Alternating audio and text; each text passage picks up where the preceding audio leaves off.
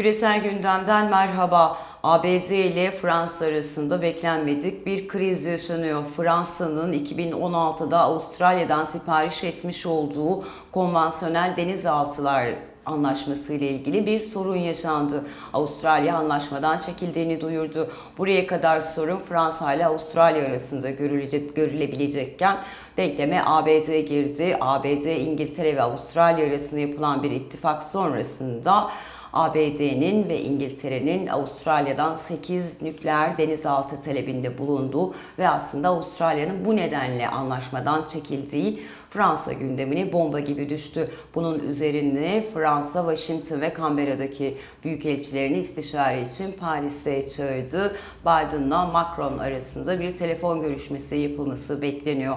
Bu hafta Profesör Doktor İlhan Uzger ile birlikte yaşanan bu son gelişme uyarınca ABD Avrupa özelde ABD Fransa ilişkilerini ve bunun ittifakın geneline etkisini ele alacağız. Hocam merhaba, hoş geldiniz. Merhaba, hoş bulduk. Hocam e, bu hafta, geçtiğimiz haftadan devraldığımız bir krizle aslında başladı. Özellikle Paris ve Washington arasında Fransa'nın daha önce Avusturya'dan, Avustralya'dan sipariş etmiş olduğu denizaltı filosu anlaşması iptal edildi. E, buraya kadar yine e, söylediğimiz gibi kriz aslında iki ülke arasındaydı ancak ABD ile bir denizaltı anlaşmasının yapılmasıyla beraber Fransa'da alarm zilleri çalmaya başladı ve elçiler geri çekildi bir anda. Bu durumu nasıl değerlendirmek gerekiyor? Siz ne diyorsunuz? Ee, ya bir sürü boyutu var tabii. Teknik kısmından başlayalım. Hani sıkıcı olabilir belki ama şöyle aslına bakarsanız Fransa'nın pardon e, Avustralya'nın yaptığı ilk anlaşma e, doğru değil. Yani eğer konu Çin'in çevrelenmesi ise Çin'in Güney Çin Denizi'nde ya da işte e, Hint Okyanusu'ndaki faaliyetlerinin dengelenmesi ise teknik olarak Fransa'nın ürettiği artık çok eski de kalmış dizel motoruyla çalışan denizaltı dizel elektrik deniyor teknolojisi eski bir teknoloji. Şöyle evet. bir, şöyle bir sorun var. E, tabii bu arada tabii 2016'dan itibaren de e, Çin'in e, bölgedeki deniz alanlarındaki hızla deniz kuvvetlerini güçlendirmeye çalışıyor. E, sık sık yeni, krizler yaşanıyor. Tabii işte biliyorsunuz eski hikaye yaşıyor şey yapıyor. Güney ve Japonya yani yapay ada, yaşıyor. yapay ada oluşturup hani karasuları ve deniz yetki alanları oluşturuyor falan. Bu hız kazanınca hani bir de buna e, Fransa'nın e, söz konusu denizaltı yapım sürecini sürekli ertelemesi. Yani teslimat tarihini hatta şöyle 2035'e kadar uzatıyor. Şimdi Avustralya'da bizim işimiz e, acele olmaya başladı. Hı hı. Böyle de bir boyut var ve bundan duyduğu rahatsızlığı defalarca söylüyorlar. Hatta Macron bir şekilde fark ediyor e, Temmuz ayında şeyi çağırıyor, e, davet ediyor Avustralya Başbakanı'nı, e, Morrison'u ve orada işte toparlarız falan diyor ve genelde pek cevap alamıyor. Yani o konuya çok girmiyor ama rahatsız olduklarını hissettiriyorlar ve söylüyorlardı bunu. Ee, Açıklamalarında da benzer bir şey söylediler. Biz anlaşmanın yürümediğine dair bir tabii, izlenim edindik tabii, diye. Yani 2016 son 2019'da hız kazanacak deniyor falan ve çok uzuyor süreç. Şimdi e, bu eski tip konvansiyonel dediğiniz hani denizaltı tipi yani daha az e, su altında, daha kısa süre su altında hı hı. kalabiliyor. Su altında kalma süreleri daha kısa. Nükleer yani nükleer enerjiyi tabii tasvip ediyor değiliz. Tek teknik bir analiz yapıyoruz. Tabii. Ee, şimdi tabii dizel motor daha büyük ve e, çok büyük bir yakıt deposu var. Dolayısıyla hani şey olarak iç, iç hacmi de daha küçük oluyor evet. falan. Bunlar teknik boyutları. Nükleer e, enerjiyle çalışan e, denizaltılar öyle değil. Yani hı hı. su altında kalma süreleri çok uzun. Tabii şeye gidecek yani Çin açıklarına gidecek falan Çin denizine. O yüzden de hani hem teknik olarak hem de siyaseten belli ki Avustralya Amerika'ya iş yapmayı e, tercih ediyor. Bu büyük bir e, şok etkisi yaratıyor tabii doğal olarak yani bu anlaşılmayacak bir yönü yok bunun.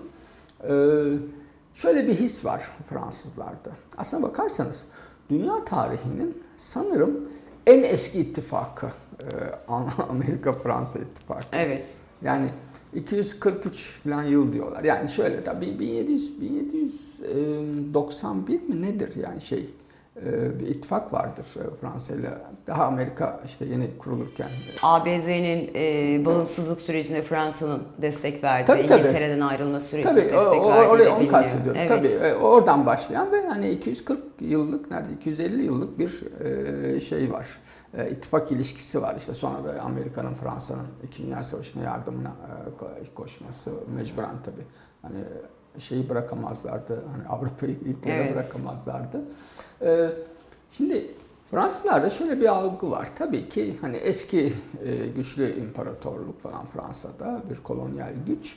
Fakat sürekli Anglo-Saksonlar karşısında böyle bir ezik altta kalan bir pozisyona sahipler ve bu e, ben mesela böyle anılar falan okuduğumda e, Amerikalılar bunu e, ciddiye almıyorlar çok fazla. Yani e, tırnak içinde Fransız kaprisi derler. E, hakikaten de zorlar diplomatik olarak Fransızlar. Yani biz de güçlüyüz, biz de e, önemli ülkeyiz. Hatta işte daha ba- başka krizler de olmuştur hani Amerika-Fransa ilişkilerinde. En önemlisi biliyorsunuz işte 1966'da Fransa'nın De Gaulle döneminde Evet çekilmesi. askeri kanattan çekilmesi Evet. ama 2009'da tekrar Geri. ge- geri dönmesi şey diye düşünüyorlar. Hani gitse de gene geleceği yer. Evet, Fransa bu evet. Evet. Şimdi şu, şu algı doğru.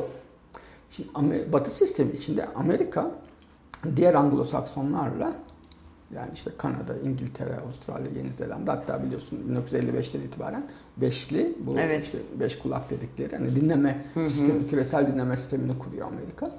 Ee, ve 58'de de İngiltere'ye nükleer teknolojiyi veriyor yani ilk defa. Şimdi bu e, şöyle bir e, durum yaratıyor Batı sistemi içinde. Amerika'nın başında olduğu bir Anglo-Saksonlar şeyi var, grubu var. Evet. Bu e, birinci ve öncelikli. Onun arkasında işte Fransa, Almanya geliyor. Ondan sonra işte eski diğerleri ve Evet. ve bu, bu böyle hani halkalar şeklinde devam ediyor. Ve buna karşı da bir tepki var e, şeyde. Bunun ilk çıkışı şey işte De, De Gaulle'le kendisini gösteriyor. Daha böyle Avrupa odaklı kıta. Hatta şöyle bir şey var. Şimdi Avrupa sistemi içinde yani bu Rusya için de söylenir daha iyi bilirsin. İşte Avrasyacılar, Atlantikçiler falan gibi. Evet, bizde de, bizde de var. Tabii bizde tabii, de var. Şimdi bu Avrupa'da da var. Ee, ya orada da Atlantikçiler var. Ee, bir de yeni yeni e, beliren bu kontinentalist falan diyorlar. Ha, kıtacı grup. Kıtacılar. Evet kıtacılar. Kıtacılar yani Avrupa merkezli, Hı hı. Avrupa kıta, kıta Avrupası e, merkezli. İşte, işte Macron aslında Atlantikçi. Ee, ya öyle biliniyor. O yüzden de dikkat ederseniz bütün tepkileri Dışişleri Bakanı veriyor. Evet kesinlikle Macron- ki çok Macron sert çok- tepkilerde Ve bulundu. bunun hani şimdi Fransa'da e, yeni de Gaulle'cü bir akımı güçlendireceği hani düşünülüyor. Evet. Fakat Amerikalıların da şöyle bir e, şey var, e, fikri var. Yani Fransa'nın sonuçta gideceği fazla bir yer yok diye düşünüyorlar. yani şimdi Rusya'ya Yani. gidemem. Mesela Almanya'nın Rusya ile ilişkileri daha iyi Tabii. biliyorsun. Almanya o yüzden onlar için daha aslında tehlikeli. Küstürüldüğünde direkt yönünü Şimdi dönebilir. Çin, Çin'in yani Çin, Çin'i bilmiyorlar. Yani Çin, Çin'den te- tedirgin hepsi. evet. Yani Amerika gibi şahin politika izlemiyor AB üyeleri ve Avrupa Birliği ama e, Çin'den de son noktada çok emin değiller. evet. E, e, şimdi sağına dönse yani, e, Almanya kendisinden Evet. daha güçlü. Şimdi onun onunla bu sefer yani Amerika'dan kaçayım derken Almanya'nın altında hani Evet. e, kalma ihtimali. O yüzden Amerikalılar da biliyorlar. Fransızlar hani biraz yaygara yapar. Hani gürültü patırtı koparır.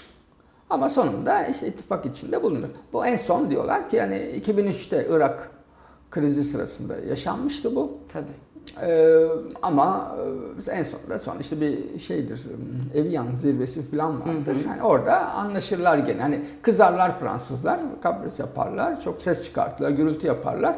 Ama yine şey sistemi, hani Batı sistemi, Atlantik sistemi içinde kalırlar gibi bir e, öngörü var. Genelde de böyle böyle işledi. Biraz da belki hani onun verdiği bir rahatlık, bir özgüven. Tabii bu arada hani e, şeyin e, Biden yönetiminin hani e, işte Atlantik şey, çok taraflı, multilateral olacağına dair hani iddialar vardı. Onlar da biraz açarız isterseniz o kısmını. Evet.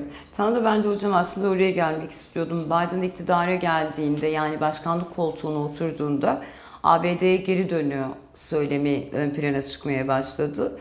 e, ve Trump döneminde gördüğümüz o biraz kendi başına hareket etme, e, ittifak kanadı ittifakların kendisinde içerisindekileri geçsin çok dikkate almama, NATO'yu bir adeta hesaplaşma alanına çevirmesi vardı. Bağlarda bir e, zayıflama vardı. Oysa Biden'ın hani aslında başka yeniden o geri döndüğü e, atfın daha önceki Trump'ı bir e, ara dönem olarak görüp e, devam etme politikası gibi görüyorduk ama e, işte sizinle yayından önce de konuştuk. Bu Trump döneminde olmuş olsaydı çok şaşıracağımız bir şey değildi aslında ama Trump'ın yapacağı bir şey kesin tam. Trump'lık bir hani e, davranış gibi görünüyor.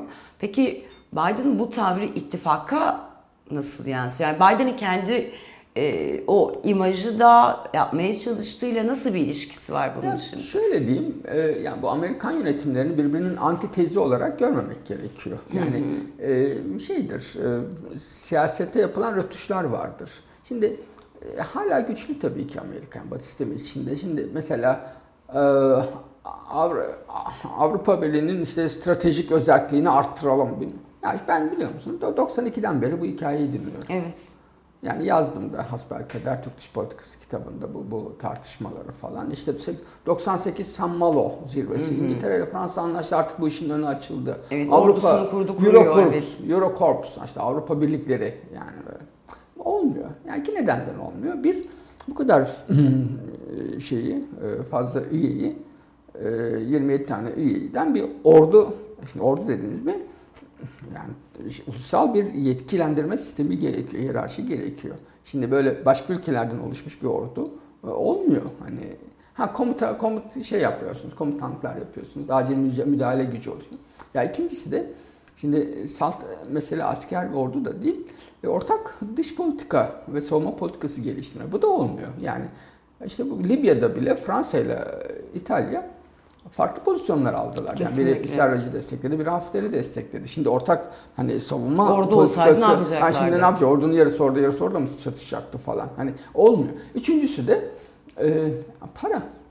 Şimdi hepsinin birlikleri, savunma planları. Şimdi NATO'da şeydir, her ülke savunma planlarını sunar. Evet. Birbirlerinin şey açıktır. Yani NATO üyelerinin birbirlerine açıktır. E, ittifak olduğu için. E, şimdi e, hem oraya şey tahsis ediyorsunuz NATO'ya. E, onun da bir maliyeti var.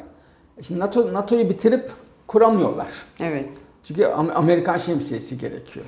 Şimdi NATO içinde ordu kurayım derseniz de e, duplicity diyorlar buna. Evet. Yani birbirini tekrar Kesinlikle. e, edecek. E, şimdi oraya maliyet, buraya maliyet. E, NATO içinde söz vermiş yüzde iki e, Harcama. ulusal gelir yüzde iki kadar e, savunma harcaması yapacağız dedi. Onu yerine getirmeden yeni bir ordu. Amerika'da bunların hepsini biliyor.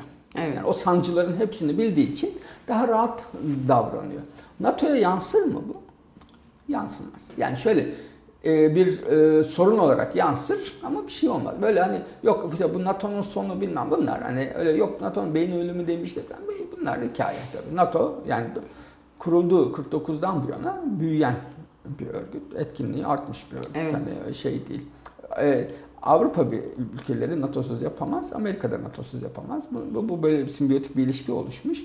Bundan da kimse şu anda hani Avrupa sermayesi de vazgeçmez. Amerikan sermayesi de vazgeçmez. Gü- Güvenlik mekanizmaları da bundan vazgeçmezler. Amerika bunu bildiği için bu rahatlıkla hareket ediyor. Bir tür emperyal hübris de diyorlar buna falan biliyorsunuz. Hani bir kibir, Evet. hegemonik kibir. Hegemonik kibir e, Trump'tan, ya Obama'dan Trump'a, Trump'tan e, şey Bush'tan hatta işte dinlemedi Almanya ile Fransa Tabii. çok e, şey Irak, işgaline çok bl- blok olmaya çalıştılar. Evet. Bir kuruş vermeyiz dediler, asker göndermeyiz dedi Amerika. Tamam eski Avrupa'sınız siz dedi. Ben yeni Avrupa ile ya bizdensin ya karşıdansın dedi. Evet. Ha, Git gitti işgal etti İngiltere kendisi. birlikte Ha, gittiler, mesela evet. 91'de Irak'a beraber girmişlerdi. Hani e, 2003'te biz buna engel olmayacağız. Olmadı. E, Bu, bu, bu devam ediyor. Hani Trump'tan Biden'a şey değişmiyor öyle. Hani Amerikan e, şeyinin hani e, siyasetinin ana eksenlerinde tabii üst üste geldi. Yani Af- Afganistan'da da sormadan e, çekildi. Yani hızlı çekildi falan. Şey ya, ba, ya buna çok taraflılık deniyor işte multilateralizm. Yani dünya meselelerinde Amerika müttefikleriyle danışarak, ortak hareket ederek ve onların çıkarlarını gözeterek Tabii. e, politika belirleyecek. Bu anlama geliyor. Ya buna uyduğu yerler var, uymadığı yerler var. Yani dolayısıyla bakıyor. Mesela Afganistan Amerika'sına te, te, kendi girdi. Kendi Evet. çıkıyor. Yani sonradan gelin siz dedi. Ee, şeyde de şeyde bu Avustralya meselesinde de hem işte biliyorsun bu silah ticaretiyle ilgili boyutları var. Biraz teknoloji ilk defa teknoloji transfer ediyor İngiltere'den sonra. Ee, Çünkü orada üretilecek bir kısmı falan. Bu önemli bir şeydi ve esas şöyle diyorlar e, Amerikalılar "S- stratejik sürpriz yapmak istedik Çin'e. Yani derdimiz bizim Fransa değildi. Stratejik sürpriz ilk defa duydum ben Öyle bu mi? arada hocam. Her gün bir kavram kazandırıyor. Evet. E, derdimiz Fransa değildi. Bizim derdimiz Çin'e stratejik bir yani böyle beklemediği anda pat diye şeyle nükleer e, denizaltı satışı yaptık. Daha hızlı hareket edecekler büyük bir olasılıkla ve hızlı üretecekler ve şeye sokacaklar. Çünkü Avustralya'da biliyorsun Çin'le ilişkileri e, iyi değil son Evet. dönemde. Yüksek miktarda şey oluyordu Çin Avustralya'dan. E, doğal kaynak alıyordu. Evet kömür oluyordu Yani özellikle. şey e, çok öğrenci gönderiyordu Evet. Avustralya'ya. Onları e, kesmeye başladı falan. Bir ger- gerilim var. Te- te- Avustralya'da öyle meşrulaştırıyor kendisini. Diyor ki hani biz 2016'daki gibi değiliz. Şimdi ilişkilerimiz bozuldu ve tedirginiz. Ve siz de bize çok geç teslim teslim ediyorsunuz. Hatta bu- tarih bile veremiyorsunuz Evet, yani. bu da çok eski bir teknoloji. Ne yapalım? Amerikalılar da bu işin hani Fransa ile olan kısmını büyük bir olasılıkla hani siz o sizin yaptığınız anlaşma siz Fransa ile halledin. Yani siz söyleyecekseniz söyleyin biz biz karışmıyoruz. Biz, Evet. biz yapacağımız anlaşmaya bakarız demişler belli ki. O yüzden de hani Fransa tabii söyleseler iyi olur. Yani Fransızlar Yani da evet. bizi arkadan bıçakladı, hain falan. Hani bütün bu şeyleri döktüler. İçlerinde ne varlar? Evet, evet. gerçekten. Yani bu böyle olur. Yani mesela ben size bir örnek vereyim. Ee, ben o sırada yani Irak işgalinden kısa bir süre sonra Amerika Washington'daydım. Araştırma için gitmiştim. Ee, toplantılara falan Richard Pearl mesela işte Karanlıklar Prensi olarak bilinir Türkiye'de. Hı hı. falan. Ee, 80'lerin şeyidir böyle yani kara, kara, çok iğrenç Gerçekten iğrenç iğrenç birisi, bir evet. karakter. Sonra işte zimmetine para geçirdi falan filan. Ee, hepsi böyle neokonların. Şey, o böyle şey yaptı. Hani Fransa çok karşı çıkınca e, Amerika'da şeye e, bu patates kızartmasına French fries diyorlar. Hani Fransız kızartması diyorlar falan. Bunu adını değiştirelim dedi. Bir dönem böyle bir dalga oldu. Freedom fries. Hani, Allah Allah. Freedom fries falan da tutmadı tabii. Tabii, Yani, e, şeydi hatta böyle ben izledim de kendisini. Hani bir toplantı vardı gittim. Hani çok şey o kadar böyle e, nasıl söyleyeyim yani neredeyse aşağılamaya yakın bir tavırla hani vücut dili şeyde hani Fransızlar da şey yapar ısrar ederler ama Fransa ile ilişkiler mi bizim güvenliğimiz mi terörizme karşı mücadelemiz mi? Evet. Tabii bunu seçmek zorundayız. Tamam Fransa'da müttefikimiz diye ki Anthony Blinken'ın da e, biliyorsun verilen yani Amerikan Dışişleri Bakanı'na verilen e, şeyde sorulan soruya verdiği cevapta Fransa bizim stratejik müttefikimizdir. Yani o kadar. Hani çok çok da biliyorlar ki hani Fransa yine hani Kürkçü dükkanına evet geri, yani. geri, geri Kızı kızar kızar. evet. Ve gönlünü alacak bir şeyler yaparlar. Bir yerde ihale verirler. Mesela hani çok uzatmayayım hani vakit vaktimiz şey olmasın. Mesela e, kargo uçağını şeyden aldı mesela. Bu bizim Türkiye'nin kullandığı bu Koca Yusuf diyorlar Hı hı. yani. O onlardan satın aldı mesela Amerika. Arada böyle jestlerde yapar hani Evet. şeye müttefiklerine. Muhtemelen Fransa'ya bir yerde bir jest yaparlar. Onu telafi edecek falan. Böylelikle biraz gönlünü almaya Al. çalışırlar. Evet. Yani anladığım kadarıyla ittifakın ruhuna, o yapısına zarar veremeyecek bir durum. Fransa'nın çünkü biraz gücü de sınırlı. Av- Diğer Avrupa Birliği ülkeleri de Almanya'da bu kabul edilemez filan dedi Ursula von der Leyen. Yani böyle hani Amerika'ya karşı Fransa şeyi harekete geçirmeye çalıştı Avrupa Birliği'ni biliyorsun işte ticaret anlaşması yapılacaktı Avustralya ile Evet. onu engellemeye çalışıyor falan göreceğiz ama böyle sanırım Fransa'nın e, bu şeyde e, bir yerde yazıyordu e, silah satma o, o sıradaki tekniklerinden de diğer Avrupalı müttefikleri çok rahatsız. Hmm. O yüzden de böyle hani içeride kıs kıs e, gülüyor da o Olabilirler. Almanlar, e, diğer İsveçliler falan, İspanyollar falan bunlar da şey biliyorsunuz. Evet. Hani silah ticaretinde e, İsimleri olan, isimleri evet. olan ülkeler, yani bir endüstriyel tabanları olan ülkeler. E, bunlar da çok şey Fransa'nın böyle agresif bir hani savunma sanayi şeyi var, pazarlaması var. O, oradan dolayı bir rahatsızlık var. O yüzden de öyle kimse de hani vah vah Fransa'da bu şey, ihaleyi kaybetti yani denizaltı satamıyor e, konusunda da öyle e, Avrupalı müttefikleri Fransa'nın çok da Fransa'nın acısını, yasını paylaşmıyorlar. Kesinlikle anladım hocam. Çok teşekkür ederim. Ağzınıza sağlık. Gayet güzel bir toparlama oldu. Profesör Doktor İlhan Uzger'le birlikte bu hafta Fransa, Avustralya ve ABD arasında İngiltere'nin de dolaylı olarak dahil olduğu denizaltı krizini, anlaşmada yaşanan sorunları, Fransa'nın kıtayla ilişkilerini, Fransa-ABD ilişkilerini ve Fransa'nın tavrının aslında sınırlarına dolayısıyla bunun hem Avrupa Birliği hem de NATO üzerinde olabilecek bir etkisi olup olmadığını ele almaya çalıştık. Bizi dinlediğiniz ve izlediğiniz için teşekkür ederiz. Hoşçakalın.